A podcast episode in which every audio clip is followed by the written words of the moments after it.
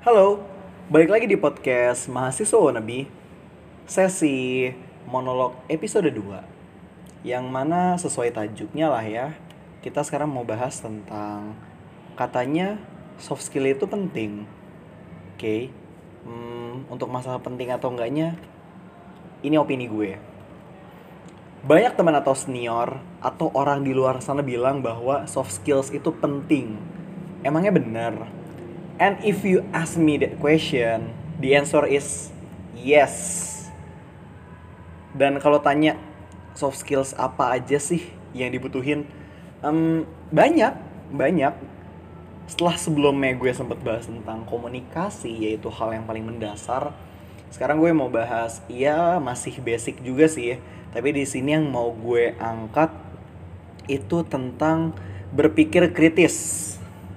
Berpikir kritis maksudnya apa sih? Sederhananya gini. Uh, kalau masih bingung tentang yang namanya berpikir kritis, cobalah kalian menjadi adil. Cobalah kalian melihat dari ya sudut pandang orang lain, dari sisi lain, gak cuma dari sudut pandang kalian aja. Gitu sederhananya gini gue bakal kasih contoh deh misalnya gue gue punya uang jajan sepuluh ribu rupiah.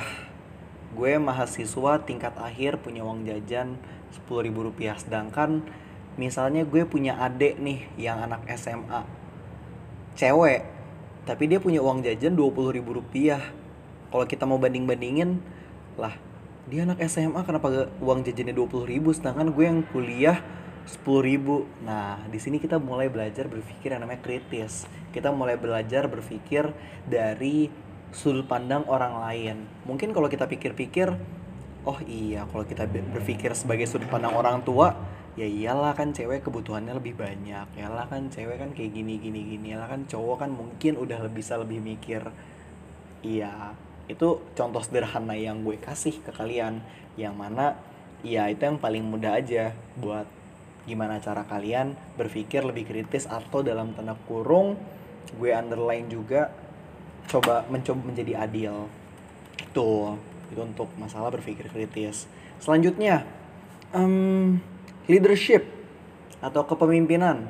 Nah ini juga salah satu soft skills yang penting. Kenapa gue bilang penting?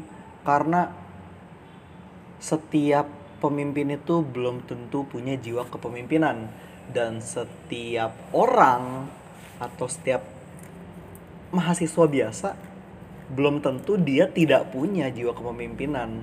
Mungkin dia tidak sadar. Nah, ini nih yang perlu kalian explore juga tentang diri kalian sendiri.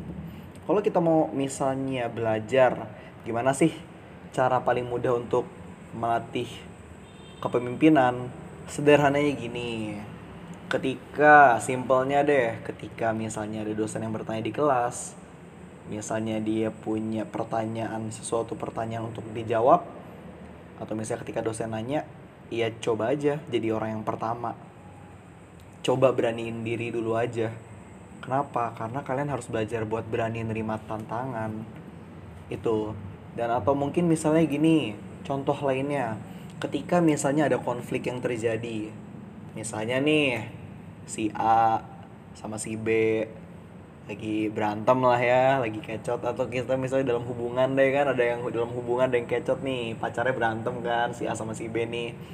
Lo coba dengerin mereka dan lo coba menjadi bijak. Lo coba telusuri ada di mana permasalahannya dan lo belajar jadi penengah yang baik. Itu hal-hal paling mendasar banget buat ngelatih gaya kepemimpinan lo buat ngelatih gimana caranya lo jadi pemimpin yang baik gitu sih. Ya di podcast sebelumnya gue sempat bahas tentang komunikasi. Di podcast ini gue mengangkat dua soft skills lainnya yaitu cara berpikir kritis juga tentang kepemimpinan. Dan gue juga sempat ngasih lah ya tadi contoh sederhana dan gimana caranya ya paling mendasar atau paling mudah untuk gimana cara kita belajarnya. Hmm, ya so itu beberapa soft skills mendasar yang perlu didalami. Dan kalian bisa explore soft skills soft skills lainnya yang mana itu banyak banget kayak misalnya ada juga tentang kemampuan berpikir uh, menganalisis kemampuan untuk bernegosiasi dan itu kalian bisa pelajari lagi atau mungkin ada di podcast selanjutnya. Ah, pantengin terus podcast selanjutnya.